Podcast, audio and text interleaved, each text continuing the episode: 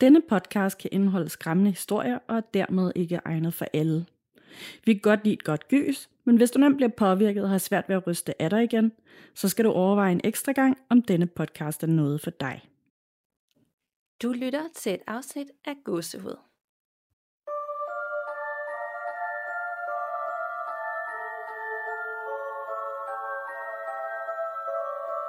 Hej Nana. Hej Danika. Og glædelig jul skal jeg lige til at sige, fordi vi optager her den 23. lige inden alle juledagene, og du er allerede nærmest gået på juleferie. Ja, det er, altså jeg er faktisk gået på juleferie, så jeg sidder hjemme hos øh, min far nu og optager på en spritny mikrofon, jeg har købt, som, øh, som jeg kan have med mig under, under armen, når jeg nu skal andre steder hen og være. Ja, så du ikke skal medbringe den her kæmpe store en længere. Lige præcis. Den er simpelthen for tung. Så nu har jeg sådan en lille mini-en, der bare er mega nuttet og øh, forhåbentlig lige så god. Det, det lyder i hvert fald rigtig godt fra min side, så det håber jeg også, det gør, når folk lytter med. Og det skal lige siges, at uh, herhjemme, der har jeg også børn på juleferie, så hvis der er noget støj i baggrunden, så, uh, så er det lige dem, der sidder og ser noget Netflix, og uh, så ikke nødvendigvis under. Det er fuldstændig det samme her. Der er godt gang inden på den anden side af døren med rengøring og juleforberedelser, og en lille hund, der også nogle gange bliver lidt vred over, der går nogen forbi uden for øh, haven og sådan noget. Ikke? Så ja. der er måske lidt langt. Lidt hyggelig julestøj. Men når det her øh, afsnit det udkommer, så er vi jo egentlig forbi juledagene, og så er det jo snart nytår. Yay! Og jeg tror egentlig, vi har valgt et emne uden at tænke over det, fordi vores emne i dag er jo lidt det der med forudsigelser eller premonitions, og når det er et nyt år, så har man jo tendens til også, du ved, med nytårsforsætter, og øh, hvad skal der ske det kommende år, kan man præge det på nogen måde. Så det er måske sådan lidt meant to be. Ja, det havde jeg faktisk ikke engang tænkt over, men det var sådan set rigtigt nok. Ja, nyt år og ny start, og hvad skal der ske? Men inden vi skal dykke ned i det her emnebaserede afsnit, så skal jeg lige høre, om der er sket noget uhyggeligt, siden vi talte sammen for fire dage siden. Der er faktisk overhovedet ikke sket noget som helst.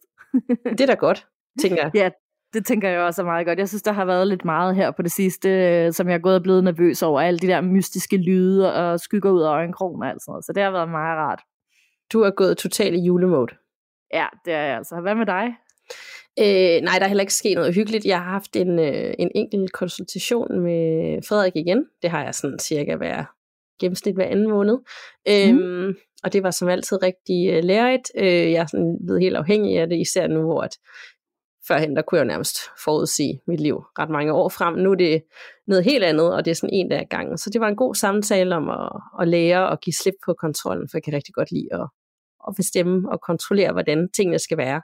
Men det kan man jo overhovedet ikke altid. Så øh, jeg øver bare på at være i det, livet tilbyder mig lige nu. Øhm, og jeg er sådan generelt egentlig meget optimistisk, men jeg er også bare et sted, hvor jeg virkelig bliver udfordret for tiden af andre mennesker, og det skal jeg lige acceptere. Så, ja. At det er også svært, ja. Det er det virkelig, så jeg glæder mig så meget til et, et nyt år og en ny start, og ja, og bare en der gang.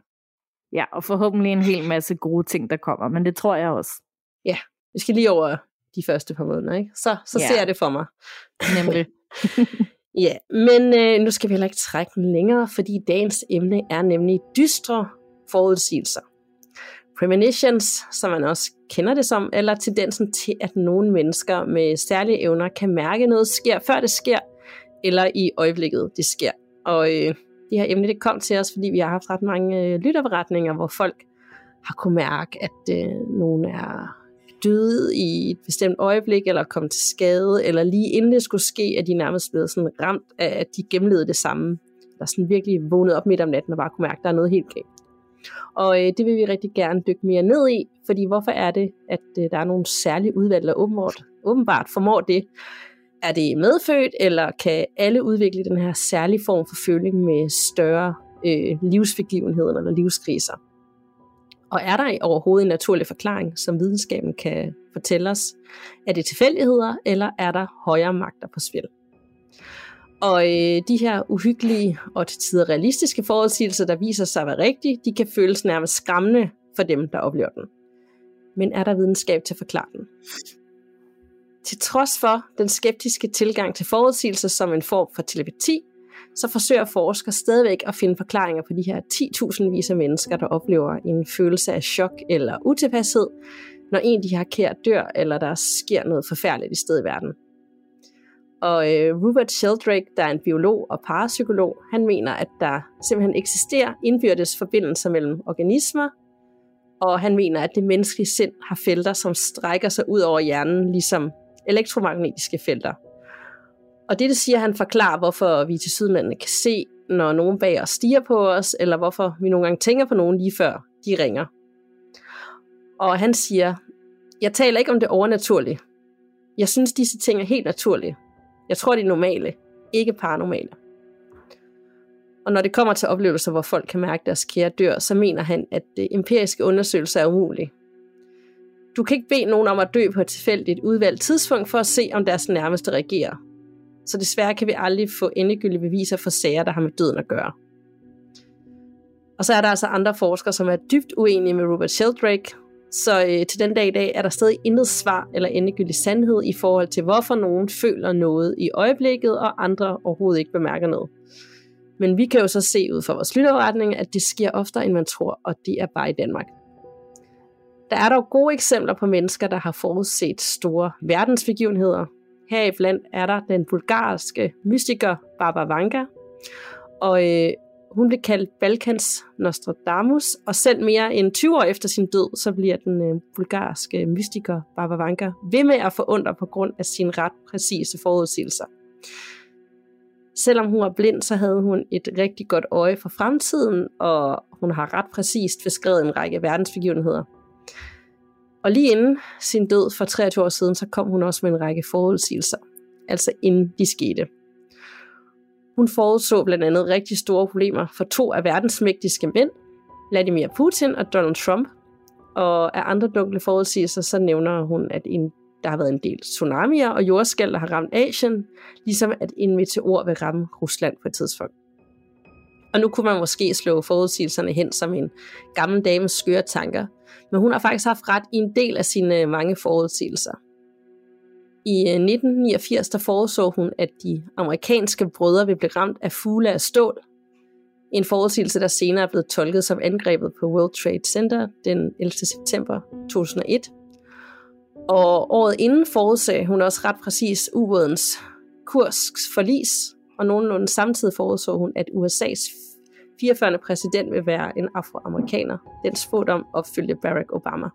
Barbara Vanga har for øvrigt forudsagt begivenheder helt frem til år 5079, hvor universet vil ophøre med at eksistere. I 2023 vil jordens bane om solen ændre sig efter sine, og i 2066 vil USA angribe det muslimsk kontrollerede Rom med et klimavåben, og i år 2304 vil menneskeheden opfinde tidsrejser, ifølge hende. Og så er der altså Baba Vangas modstykke, nemlig Jan Hellesø, der er en dansk psykologisk manipulator og tv-vært i programmet, som mange nok kender, som fucker med din hjerne. Og han har nemlig et nyt show kørende ved navn Forudsigelser. Øhm, og han har kaldt det her show for forudsigelser, da der ligger så mange spændende facetter i udtrykket. Fordi hvad vil man for eksempel forudsige, hvis man kunne? Øh, måske ud over næste uges lottotal. Og er der noget, man ikke vil vide, hvis man kunne forudsige det? Og kan alle forudsige ting, hvis blot de researcher nok? Er det bare gætværk og tilfældigheder? Og det synes jeg er en ret interessant snak, fordi i bund og grund, så er det jo egentlig også det, spirituelle vejledere gør øh, sig i, langt hen ad vejen, nemlig forudsigelser ved hjælp af deres guider. Så selvom jeg på den ene side er skeptisk anlagt, så gør jeg jo egentlig også selv brug af det, netop ved mine mange konsultationer hos Frederik, som vi også har haft med i øh, Gåsehud. Der har jeg jo øh, på forhånd fået besked om ting, der vil ske øh, og så skete de jo faktisk kort tid efter. Og det har været meget specifikke ting i mit privatliv.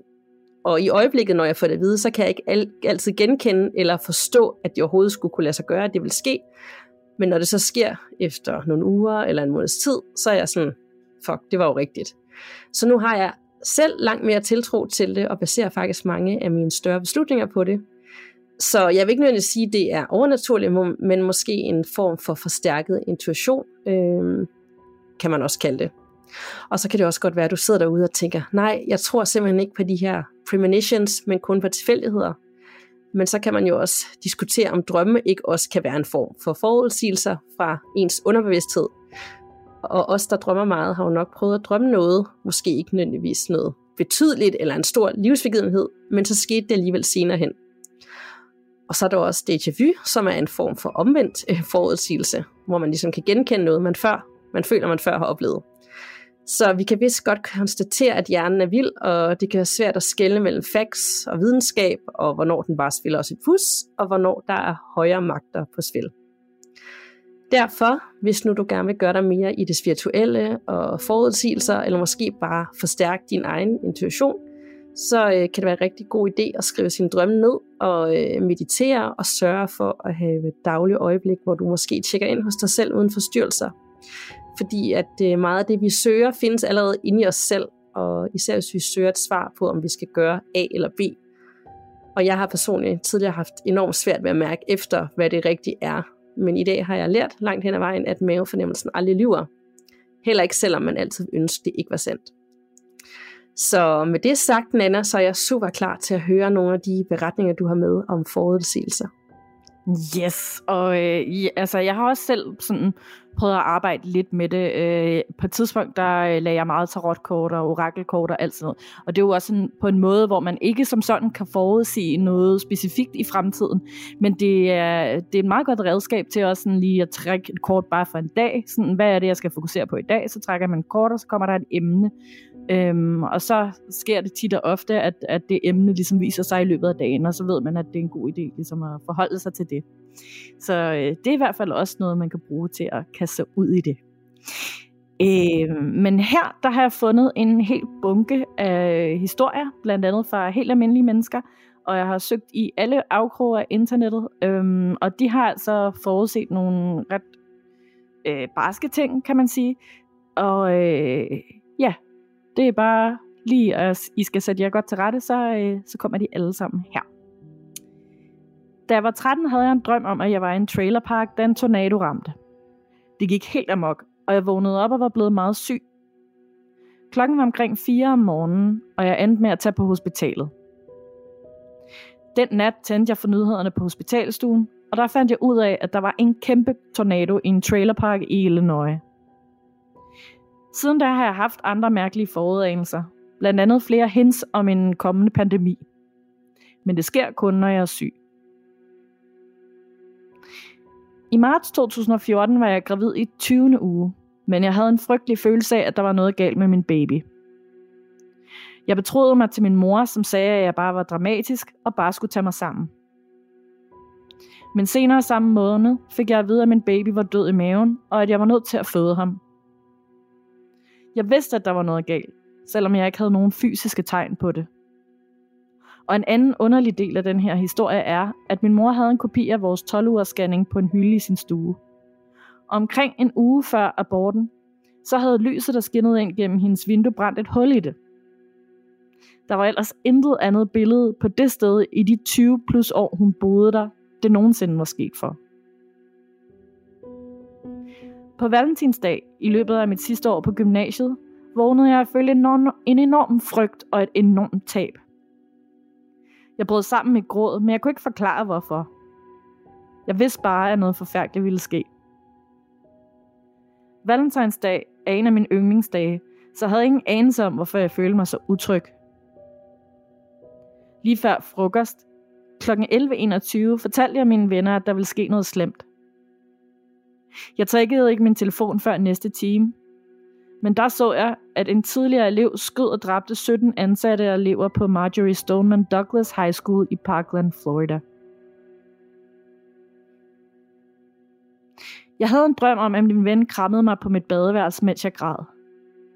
Så kom der en strøm af mennesker, som jeg genkendte, men som jeg ikke rigtig kendte, ind af min dør, og de kom alle sammen med mad. Jeg gik fortumlet rundt, og mit hus var bare en tom skal. Der var ingen gipsplader på væggene, kun trærammen. Jeg vågnede og følte mig meget urolig, men rystede det af mig, og gik ind for at besøge en anden ven, som var min nabo. Da jeg åbnede hans dør, lå han død på gulvet. Og hele min drøm udspillede sig de følgende 24 timer. Min ven fra min drøm fandt mig grædende på mit badeværelse og krammede mig.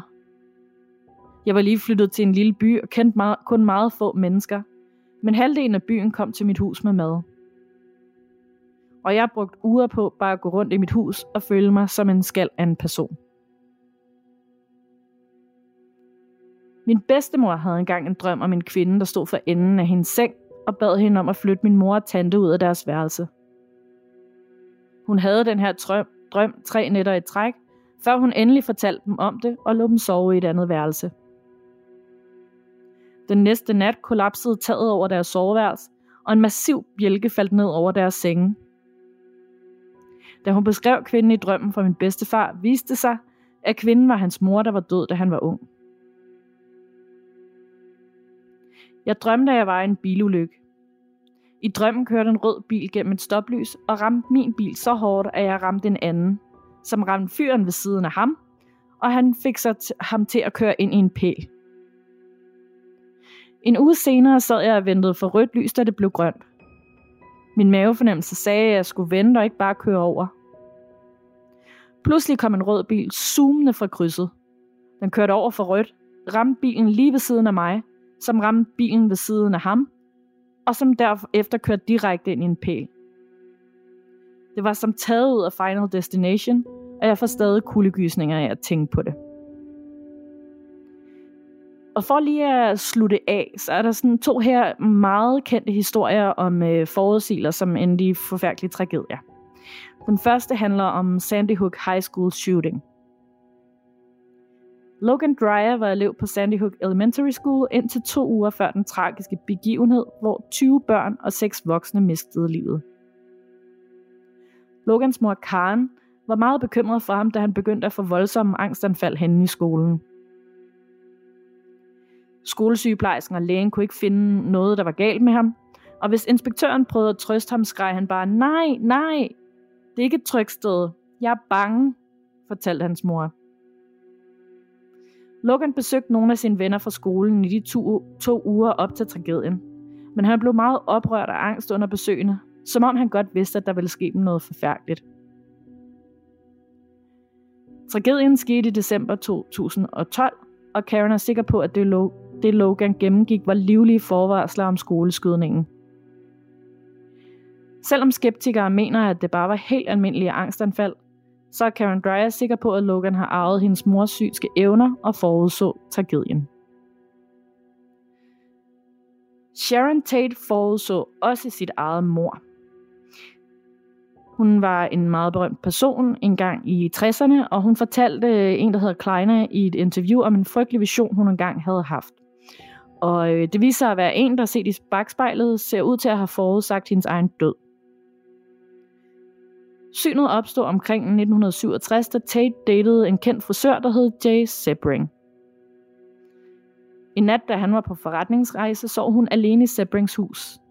Og det var et hus, som, det er værd at bemærke, engang havde tilhørt Hollywood-agenten Paul Byrne. Og Byrne var bogstaveligt talt død i det hus.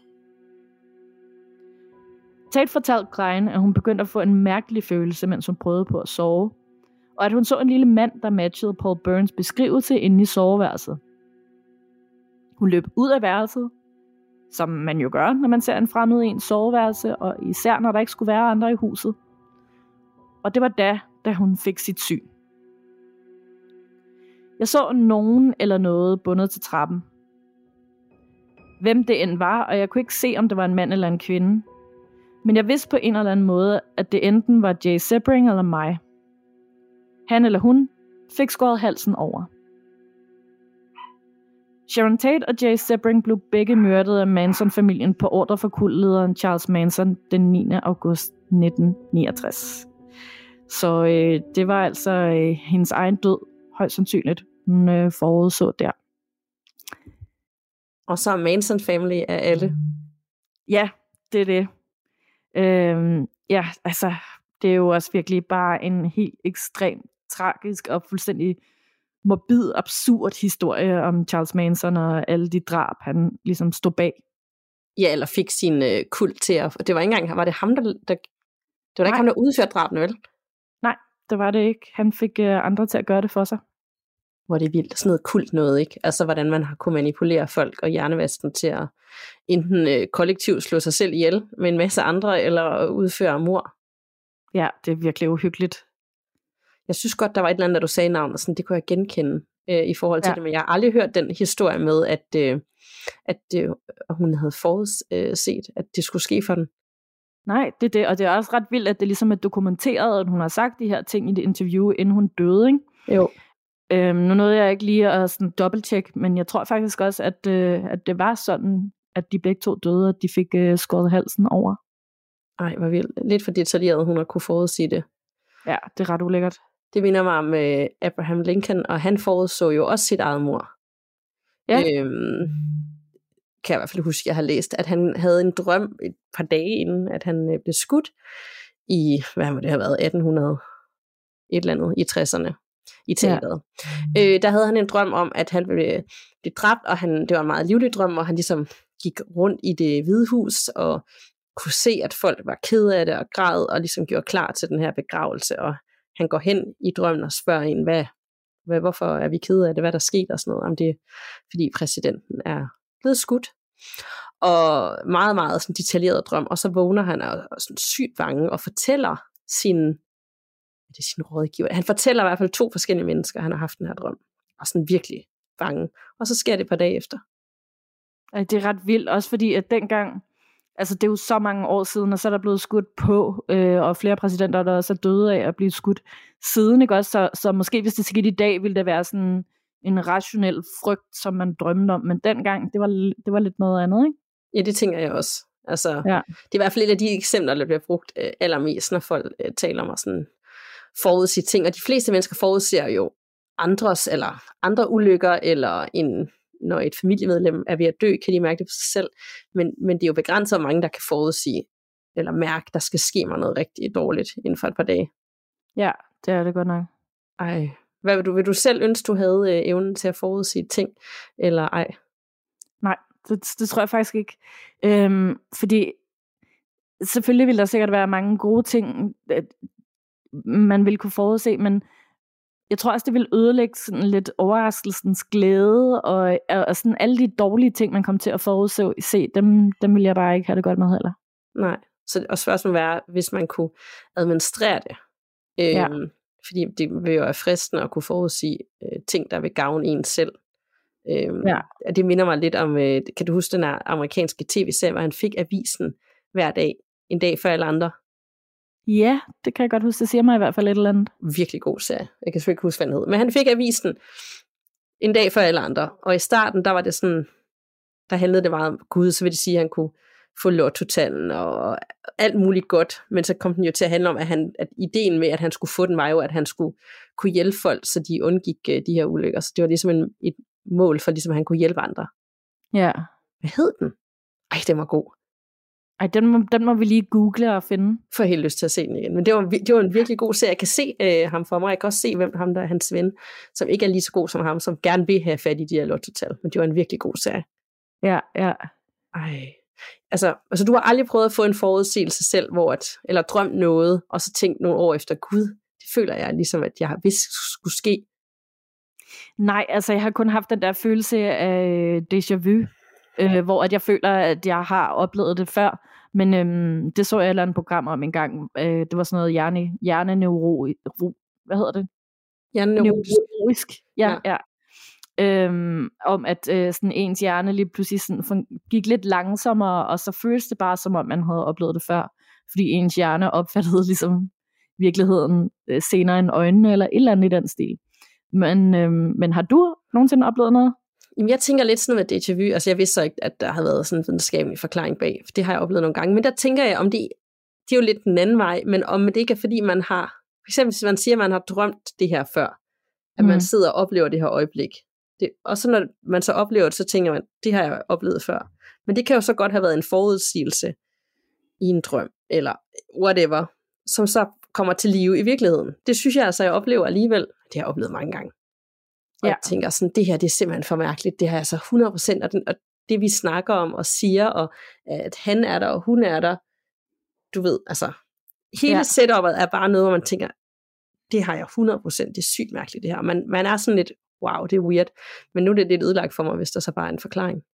Jamen altså, øh, øh, jeg kan, jeg, det, altså, det er også mange år siden, jeg har hørt den her forklaring, og man kan sikkert google sig til øh, noget i stil med det, men i virkeligheden, så vil man jo heller aldrig nogensinde kunne bevise, at det ikke er noget, man har drømt engang, og så bare glemt, at man har drømt det, og så er det derfor, det virker så genkendeligt, når man så oplever det igen. Mm. Man, man vil bare virkelig ønske, at man kunne forstå, fordi de føles jo så, de føles jo, når det sker som et eller andet, okay, det her det er mærkeligt, det er ikke bare en videnskabelig forklaring, men så kommer der den videnskabelige forklaring også, og der, vi finder bare aldrig ud af det. Og også folk, der, de lytter, der er skrevet ind, at de har kunne mærke, når deres morfar fik et øh, hjertetilfælde, har de nærmest vågnet i øjeblikket og kunne mærke smerten, og vidst, nu er den gal med ham. Ja.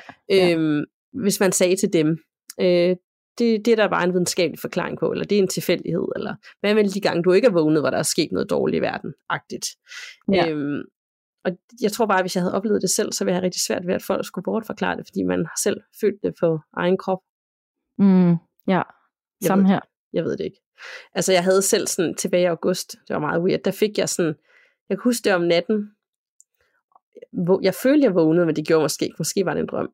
Og jeg har ingen idé, om det er sandt eller ej, men jeg, det kom meget klart til mig, at jeg i fremtiden vil møde et menneske med et bestemt navn, som vil være vigtigt for mig. Øhm, som om, at det var en besked fra min guider. Ja. Og jeg husker det så klart, og siden da, så får jeg jo et chok i kroppen hver gang, at jeg møder en med det navn, for så er jeg sådan, er det det menneske? Ja. Altså det bliver næsten sådan en, eller altså nogle gange tænker jeg, åh oh, nej, bare det ikke er det menneske, fordi de har det navn, ikke? ja.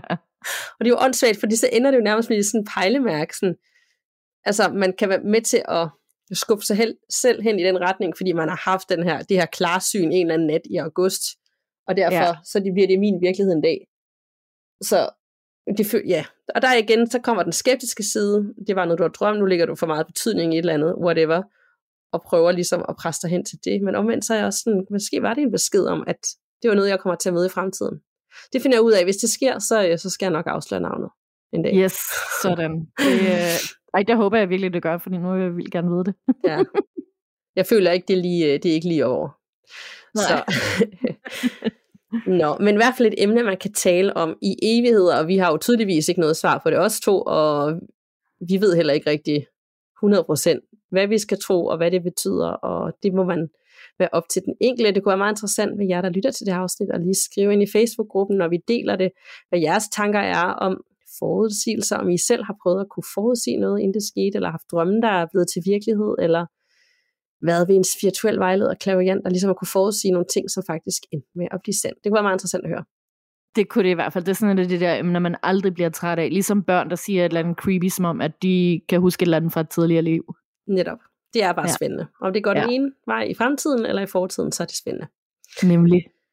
Er du klar til den lytopretning, jeg har med i dag til dig? Ja, så klar. Og øh, det er for anonym og handler om Vestvolden og et Ouija-board. Hey godset. For nylig fandt jeg jeres podcast, og hurtigt var jeg fanget.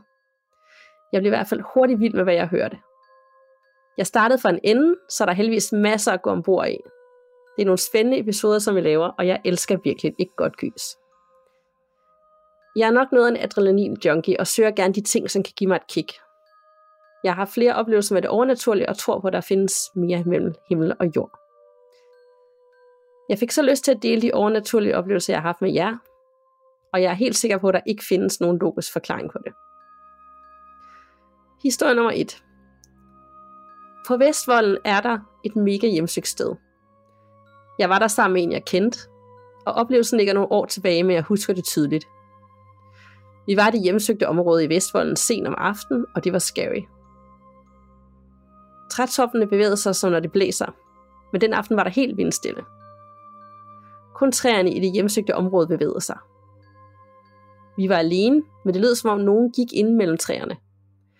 Vi hørte grene, som knækkede, og jeg husker også, at mine fødder bogstaveligt talt var helt kolde, og jeg først fik varme i den igen, da vi var væk fra det hjemsøgte område. Det mest uhyggelige var, at der stod nogle mærkelige skygger ude i siden ved træerne. Jeg ved ikke helt, hvad jeg skal kalde det, jeg så, men skygger er nok det, der beskriver det bedst. Hvad inden jeg så, så var det helt sort. Ingen lysende øjne, og det lignede heller ikke helt et menneske. Jeg ved ikke, hvad det var, jeg så, men jeg ved, at de var mega skræmmende. Ham, som jeg oplevede alt det her med, tog der ud og kiggede i dagslys. Og der var ingenting, som ville give de mærkelige skygger, vi så. Helt instinktivt har jeg ikke lyst til at nærme mig. Jeg kan ikke forklare hvorfor, men jeg vidste, at hvad end det var, skulle jeg ikke i nærheden af det. Jeg har også hørt historier om, at man kan høre et kvindeskrig ved Vestvolden. Der er dog delte meninger om, hvad grunden til skriget er. Historie nummer to. Den her oplevelse er den mest trygge oplevelse, jeg har haft med et overnaturligt. Det var omkring jul et par år før jeg flyttede hjemmefra. Det var midt om natten, og jeg var den eneste, som var vågen. Jeg sætter mig ind i sofaen, og der er helt mørkt og stille. I vinduet står der en stjerne i træ, som kan lyse. Den begynder at blinke og lyse helt vildt, selvom den er slukket. Jeg oplever det som trygt. Jeg ved, at det ikke er nogen, som ønsker at skræmme mig, nok nærmere beskytte mig. Min mor døde i mit barndomshjem noget tid før min konfirmation. Jeg ved ikke, hvem det var, som fik stjernen til at blinke på den måde, men jeg tror, det var min mormor. Historie nummer 3. For nogle år siden brugte jeg et Ouija-board i en forladt bygning med en, jeg kendte. Vi havde besluttet os for at bruge det i en forladt bygning, vi havde fundet, og det var helt sikkert ikke verdens bedste idé. Vi sætter os på gulvet over for hinanden. Mellem os er Ouija-bordet. Vi har en finger på fiktesen, som er den der dims, som ånder bruger til at stave beskeder med. Hende jeg er sammen med spørger ud af rummet, om vi er alene, og hvis der er nogen sammen med os, skal de give os et tegn. Hun spørger, kan du slukke lyset i midten? Ved siden af os har vi tændt hvide fyrfadslys. Lysene slukker, og der bliver helt sort. Og det gør fyrfadslys normalt ikke, hvis man puster den ud. Vi skynder os sige farvel og komme væk. Vi var meget skræmte. Vi havde ellers også aftalt at prøve The Picture Game i den forladte bygning, men det havde vi ikke lyst til efter den oplevelse. Vi ville bare væk. Jeg ved ikke noget om bygningens historie, men jeg tror, der er sket noget mørkt derinde. Og jeg ved heller ikke, hvad bygningen har været før. Jeg husker dog, at bygningen var i to etager og helt tom. Det lignede ikke, der havde været nogens hjem. Bygningen ville redde ned noget tid efter. Det var et forladt sted tæt på Tove Ditlevs plads, og der ligger en legeplads og en folkeskole i nærheden. Med venlig hilsen anonym. Hmm, nu bliver jeg sådan helt nysgerrig om, hvor det var, fordi jeg ved da godt, hvor Tove Ditlevsens plads er. Hvor er det hen? Det er øhm, på Enghavevej. Øh, der ligger sådan en... Øhm, øh, hvad er det? det er et eller andet supermarked, det er blevet til nu, men øh, altså på den samme vej, som øh, Vega ligger, og så ligger det bare sådan øh, lidt tættere på øh, Vesterbrogade. Okay, det er faktisk ret vildt at have været en, en forladt bygning midt inde i byen, man, man kunne gå ind i. Ja, men jeg tror faktisk, det er den, der netop lige er blevet reddet ned i den her uge.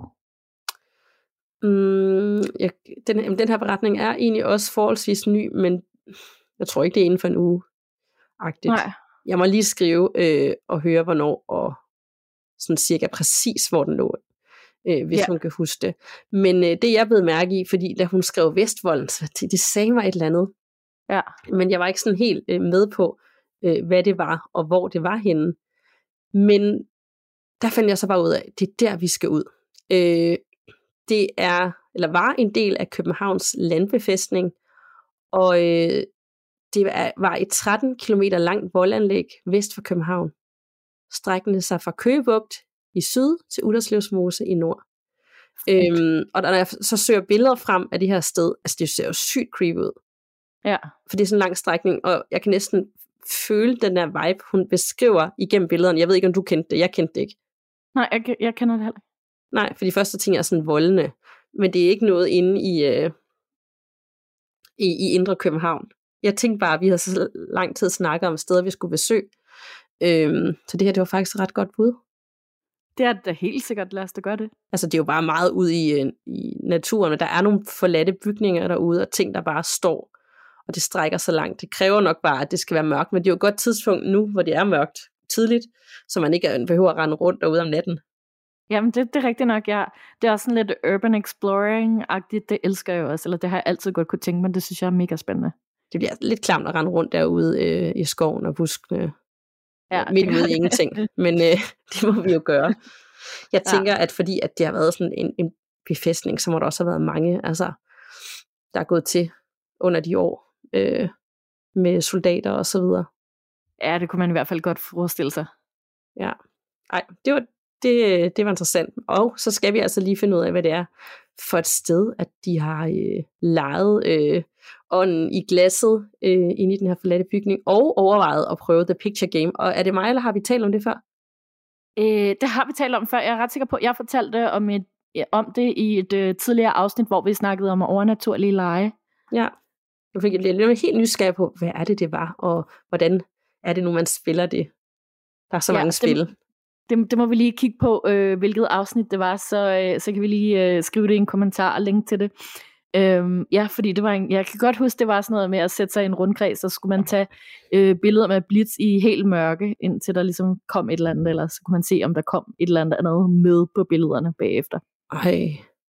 Ja, rimelig creepy. Ja, det forstår jeg godt, de ting. Ej, nu vi holder os til det her, så, så går vi og siger tak for i dag. Det har vi ikke lyst til. Lige præcis. Nu, nu jeg tænker over det, så var der jo det der Toves Galeri også øh, lige omkring øh, Tove Ditlevsens plads. Det kunne, det kunne også have været, det stod tomt på et tidspunkt. Der var, der var sådan lige der omkring rimelig mange tomme bygninger. Okay, så giver det mening. Ej, jeg er virkelig nysgerrig på, hvad det har været. Ja, men modet i øvrigt at spille de to spil der. Ja, og for ting, man tager dig ind og tager det under armen, det her spil, og tænker, nu går vi her ind i den her forladte bygning og spiller det. Ja, det er rimelig hardcore. Mega hardcore. Hun ja. også, at, øh, at, at hun elsker at få et kick. Ja. Et kick lige vildt nok. Så det havde hun ret i. Det må man sige. Nå, er du klar til en fra mig også? Det er jeg. Godt. Øhm, der er en her fra Louise, som skriver, Kære Danika og Nana, tak for en rigtig god podcast. Jeg er ikke nået så langt endnu, men jeg har selv oplevet noget. Jeg flyttede for nogle år siden hjem til min far, fordi han var meget syg med nedsat lungefunktion på grund af sit arbejde. Jeg boede ved ham i næsten to år og passede ham til hans krop måtte give op. Min fætter, på min mors side, vidste intet om, at min far var syg. Men han ringede til min moster klokken halv et om natten og spurgte, om min far var død. Det vidste min moster ikke, men hun ringede til mig dagen efter og spurgte, og jeg fortalte, at min far var død dagen før klokken cirka 5 minutter i midnat. Så blot en halv times tid efter min far døde, vågnede min fætter altså med fornemmelsen af, at der var sket min far noget. Mens sagen kørte i skifteretten efter min fars død, boede jeg i hans hus. Et lille hyggeligt rækkehus. Efter, hans døde, efter han døde, blev det hus virkelig levende. Der skete tit noget der. Jeg sov inde i stuen i min fars seng, og når jeg var virkelig ked af det, følte jeg, at han var tæt på. Jeg havde en fornemmelse af, at han sad på sengekanten, og følte indimellem også, at han lagde en hånd på mit ben. Det gav mig en vis ro i den ekstremt svære tid. I stuen hang der også en glasmontre med lys, som var fyldt med nips og sager. Lyset i glasmontren levede sit eget liv efter min fars død. Jeg havde tit tændt lyset i den, men det var ikke særlig tit, at alle lysene virkede. De lyste på skift og kunne ofte være slukket i flere timer for så pludselig at tænde. Før min far døde, sagde han, at hvis der er nogen, der leger med lyset, så er det altså bare mig. Så jeg smilede altid, når lyset legede disco, og når det blev for træt, så sagde jeg, far, stop så med at lege med lyset. Og så stoppede det. Lyset over spisebordet har altid virket uden nogen problemer. Men efter hans død virkede lyset der også underligt. Når jeg tændte, gik der lidt tid, inden det begyndte at lyse, og så kørte det op og ned i lysstyrke og flimrede, for så pludselig at holde op og blive og lyse normalt igen. Det var den hyggelige del af den historie. Jeg mistede min far og fætter med kort tids mellemrum, og var selvfølgelig fuldstændig knust. Jeg havde dengang en kammerat i godsøjen, der spurgte, om han måtte komme forbi. Vi kan kalde ham Frede. Jeg var meget skeptisk, da jeg har været udnyttet af misbrug for mange år siden. Men jeg bukkede under og sagde til sidst ja. Det skal lige siges, at min far blev bisat den 5. november, og min fætter kørte galt den 1. december og dør få dage efter. Så jeg var sønderknus på det her tidspunkt. Og oven i det havde min kæreste forladt mig bare en uge før min fars død. Min søster er på besøg den dag Frede kommer, og vi havde hygget os rigtig meget. Men stemningen bliver ændret bræt, da Frede kommer. Han træder ind over dørtrinnet, og bang, så springer der en sikring. Min søster skifter sikringen, og da Frede så kommer tilbage fra bilen med flere ting og træder ind over trinnet, så springer sikringen igen. Jeg er den dag i dag sikker på, at min far har forsøgt at advare mig. Frede kunne ikke respektere mine grænser. Han var ret forelsket i mig, og jeg havde ellers gjort det klart, at jeg ikke ville noget. Det var kun rent venskabeligt fra min side. Det tog mig en hel uge at få ham til at tage hjem, og den dag i dag snakker vi ikke sammen, da han mente, at jeg ikke var der for ham og så videre. Jeg har sidenhen fundet en kæreste, som jeg har flyttet sammen med, og jeg er overbevist om, at min far er flyttet med. Jeg oplever indimellem om aftenen, at der kommer et hårdt bank på terrassedøren, når min kat vil ind, som hun umuligt selv ville kunne lave. Det er ligesom om, han vil fortælle, at vores kat vil ind, for hun står altid fuldstændig klar til at komme ind og spænder ind, når jeg åbner døren. Jeg oplever også ofte ting falde ned fra vores bord. Jeg synes, det er hyggeligt, at min far kigger forbi. Og jeg siger ofte højt, at han gerne må komme forbi, fordi det er hyggeligt. Min hund mærker ham også. Han kan ligge i totalt drømmeland, og pludselig fare op og gø og løb helt forvirret rundt med loverne hale. Jeg har også lige en anden historie, som jeg endnu ikke selv har fundet ud af, hvad er. Og jeg oplever det efterhånden også kun sjældent. Men jeg drømte engang en meget detaljeret drøm om, at jeg havde slået et andet menneske ihjel. Drømmen var åbenbart meget virkelig, for da jeg vågnede, var jeg flere gange ved at ringe til politiet, da jeg var overbevist om, at jeg havde slået nogen ihjel. For nylig har jeg haft en anden drøm. Jeg var vist i militæret eller noget i den stil, og var blevet fanget af en anden gruppe. De ville ikke skyde mig, men de gav mig en sprøjte i hovedet, der ville få hjertet til at stoppe efter en time. Jeg vågnede flere gange under den drøm, men lige så snart jeg lukkede øjnene, fortsatte drømmen, hvor den slap. Jeg fik et snit i drømmen til at stikke af, og mødte nogle søde mennesker, der fik mig til et hospital, hvor jeg fik noget modgift og kom til mig selv. Jeg er altid ekstremt træt dagen efter denne drøm, som om jeg er fuldstændig drænet. Jeg elsker jeres podcast, så fortsæt endelig. De bedste hilsner fra Louise. Ej, det er da så meget hendes far, som er der, og vi gør, giver sig selv til kende via lyset, og jeg er helt vild med, at han beskytter hende, når ham fyren kom ind, og han ikke var god for hende. Ja, det tænker jeg også er virkelig rart, og det er jo også virkelig dejligt, at han så er flyttet med hen til den nye kæreste, og åbenbart er tryg ved ham, eftersom han ikke har, øh, har lavet nogen større advarselstegn lige der. Ja, det tænker jeg også. Jeg var faktisk sådan lidt, blev han der en uge, ham der Frede, som ikke var god for hende? Ja, det er så ubehageligt altså. Det er da vildt ubehageligt, for tænk, at nogen du egentlig ikke gider, og du bare vinder med, og de overskrider din grænse, skal du komme af med den hele uge? Ja, det, det er helt forfærdeligt. Jeg kom sådan til at tænke på den der film, der hedder Mother, med Jennifer Lawrence. Har du nogensinde set den? Mm, ja, det siger ja, ja. Ja, altså, ja. ja, og til dem, der ikke har set den, så handler det om, at øh, øh, hun bor i et hus sammen med en, sin mand, som er forfatter, og lige pludselig så kommer naboerne, og der sker en frygtelig tragedie, og, og det vælter bare ind med nye mennesker hele tiden, og hun kan ikke komme af med alle de her mennesker. De begynder bare at ødelægge alt, hvad, de, hvad der er i huset, og sådan ligesom overtage det her hus. Og det er bare sådan, det er ikke en gyser som sådan, men shit mand, hvor er den bare ekstremt ubehagelig at se på. Det er den faktisk. Nu, den kom lige pludselig til mig igen. Den har jo så også øh, en, en betydning, den film, ja. som man ikke skal afsløre, men som er super relevant, men den var faktisk ubehagelig på sådan en, ja. og jeg bliver kvalagtig måde. Hør nu efter, stop, det er grænseoverskridende. Nemlig, ej, jeg, jeg, mit hjerte bankede også så meget, fordi jeg kan simpelthen nærmest ikke forestille mig noget værre. Det er virkelig puha. Ja. Ja. Ej, nu kom den lige tilbage til mig. Ja. Men det er meget spændende, du havde en beretning med, som øhm, der både havde det der med i forhold til sådan forudsigelser og drøm, drømmen til sidst. Hvilken lige betydning præcis. det havde. Altså det havde du måske regnet ud og tænkt, den tager jeg med derfor. Det var faktisk lige præcis derfor, jeg tog den her med, ja. og det er meget den der drøm til sidst, det er en, hun har løbende. Ja. Øhm, og jeg tænker, de, her, de begge drømme, hun beskriver, handler jo om noget med noget død. Øh, den ene, der drømmer hun, at hun, at hun har slået nogen ihjel, og den anden, der drømmer hun, at der er nogen, der vil slå hende ihjel. Øhm, og jeg har lært sådan i sådan noget drømmetidningskursus, som jeg engang har haft, og øh, alt det, jeg har søgt på nettet omkring drømmetidning, at når man drømmer om død, det er lidt ligesom, øh, når man trækker døden i tarotkortet, så handler det ikke om død som sådan, så handler det bare om, at, at noget ligesom skal dø, eller noget skal stoppe. Det kan være, øh, at man er i gang med at ændre sig, og er ved at give slip på en, et personlighedstræk, eller måske er man ved at give slip på et venskab, eller et forhold, eller et job, eller et eller andet i den stil. Der er ligesom noget, der dør, men det er ikke nødvendigvis at en selv, der bare dør.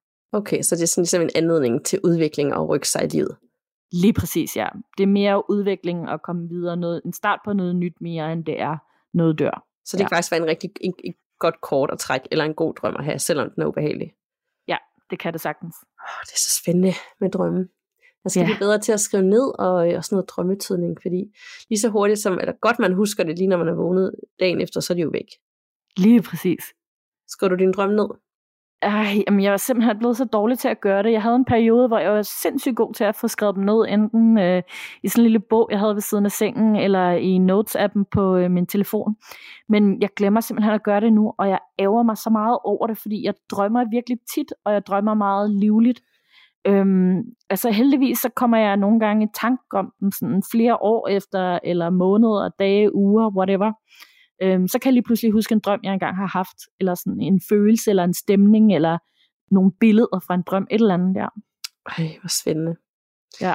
Og det var interessant, hvis man så har gennemgået et eller andet stort i liv, at man så havde skrevet ned og kigget tilbage og vide om, min underbevidst prøvede at fortælle mig et eller andet, agtigt, eller der var noget, jeg kunne sådan ligesom have brugt i det, i forhold til det, jeg skulle gennemgå senere hen i livet. Lige præcis, og det, sådan, jeg ville virkelig ønske, at jeg var skidegod til at skrive sådan en dagbog, hvor jeg skrev drømmene ned, og så også lige sådan bemærket i måske bullet points eller sådan noget, hvad er de store emner i mit liv lige nu, eller sådan, hvad sker der i mit liv lige nu, sådan så man ligesom kan få noget mening ud af det på et eller andet tidspunkt. Ja.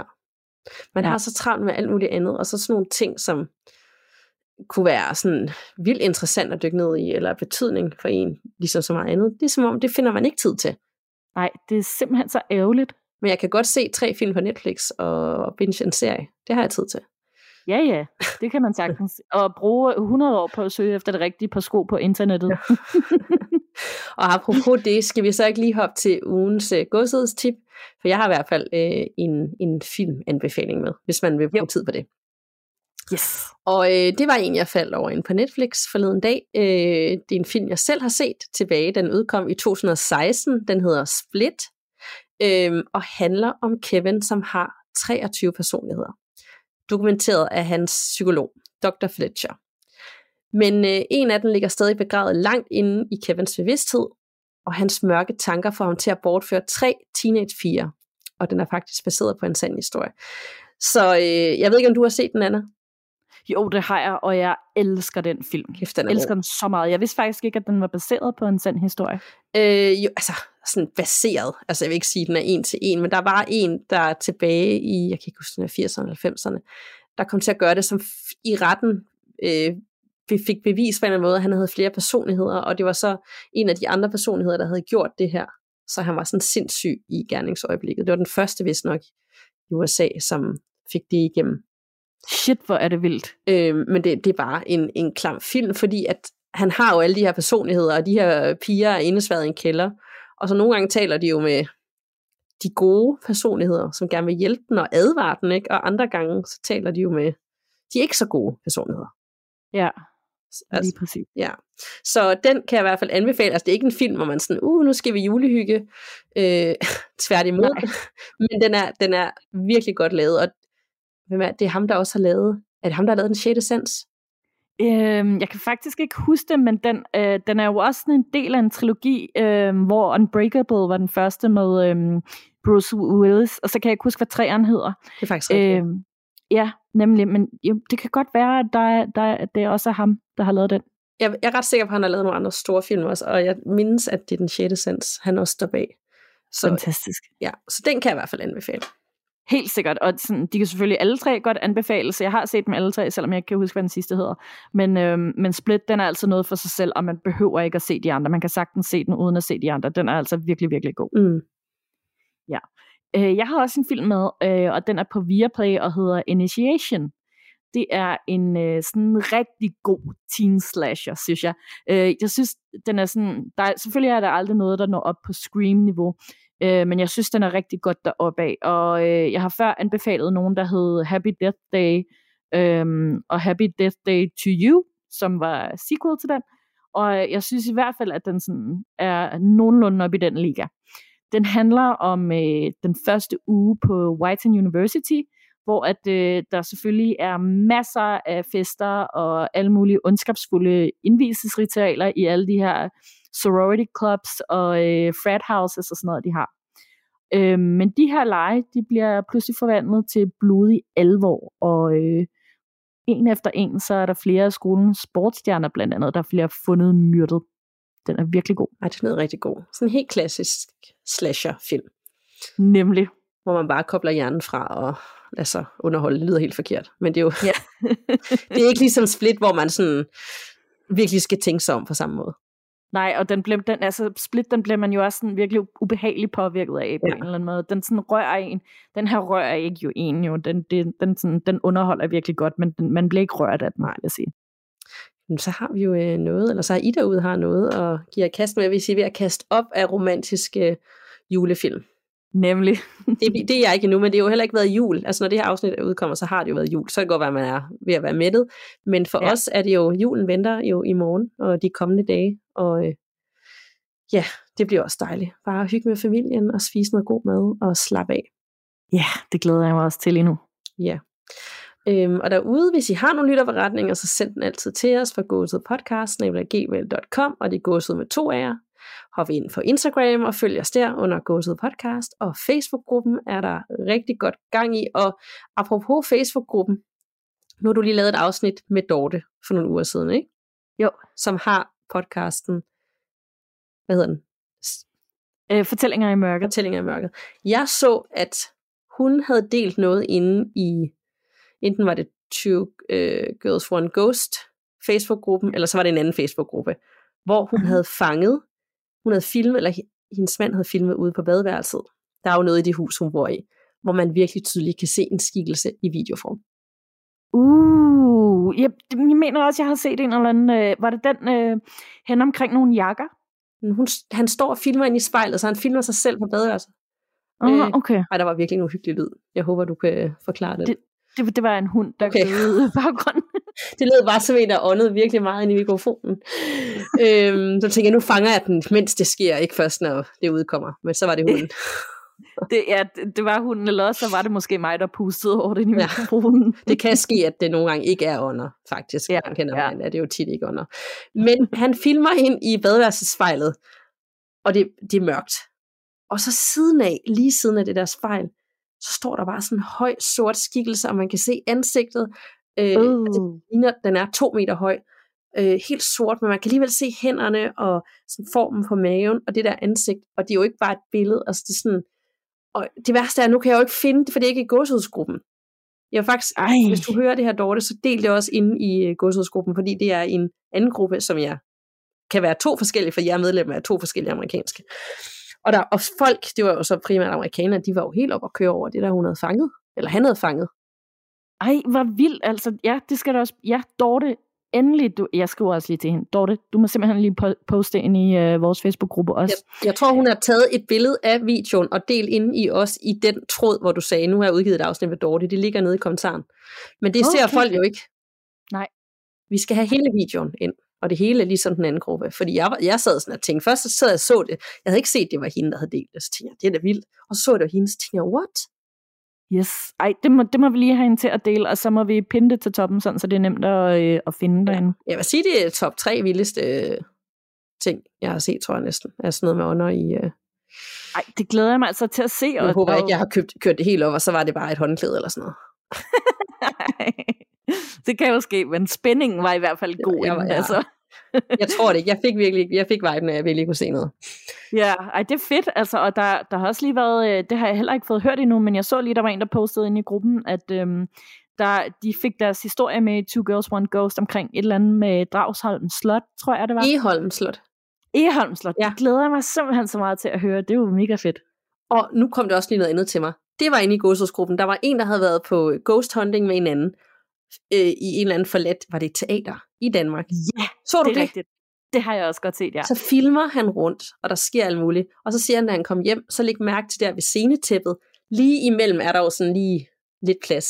Der står altså en. Bevæger sig frem, bevæger sig tilbage, bevæger sig frem, bevæger sig tilbage. Sådan en sort skikkelse.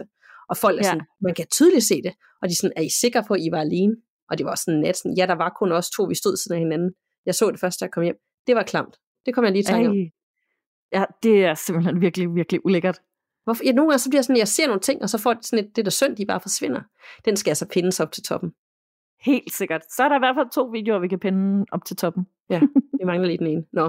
Øh, Yes. Det er lige en uh, sidesnak om vilde ting, vi havde set, fordi vi, du har, der var også det der dude, da vi snakkede om telefoner sidst. Hørte du det i det sidste afsnit? Nej, altså det er underligt, fordi at, øh, det er så tit, det sker, at jeg ikke kan høre øh, nogle af de der ting, og det irriterer mig. Øhm, så jeg tror altså, øh, jeg ved ikke rigtig, hvad vi skal gøre ved det. Hvor lytter du hen? Jamen, øhm, jamen tit og ofte så går jeg bare tilbage til råfilmen og lytter øh, også, og der kan jeg heller ikke finde det, men øh, for det meste så lytter jeg selv på Spotify. Ja, fordi når jeg lytter på Spotify, kan jeg heller ikke høre det, og der er en eller anden forskydelse på Spotify, så de tidspunkter, vi får, passer ikke på Spotify. Jeg hører i uh, iTunes, altså bare Ja. podcast-appen, der passer tidspunktet altid. Og jeg kunne tydeligt høre det, det er lige der, hvor du siger et eller andet med, at der har været en lytopretning, og en eller anden har fået et opkald, og så snakker vi om det, og så kommer der bare sådan, dude, tone fra en telefon. Gud, hvor skørt. Jeg må, jeg må ind på, øh, på iTunes og høre den også. Så, så burde du kunne høre det. Nå, nu skal vi heller ikke snakke om øh, flere ting, vi lige kommer i tanke om, fordi det er jo snart jul, og forhåbentlig så har I også god tid til at lytte til det her afsnit mellem jul og nytår, og som altid, så er vi jo tilbage hver uge, også fra det nye år af. Nemlig, og så håber vi, at øh, Krampus ikke har været på besøg hos nogen af jer. Nej, det håber jeg virkelig ikke. tak for snakken, Anna, og god jul. I lige måde, god jul. Vi lyttes ved, og pas på derude. Man ved jo aldrig, hvad der venter bag den næste dør.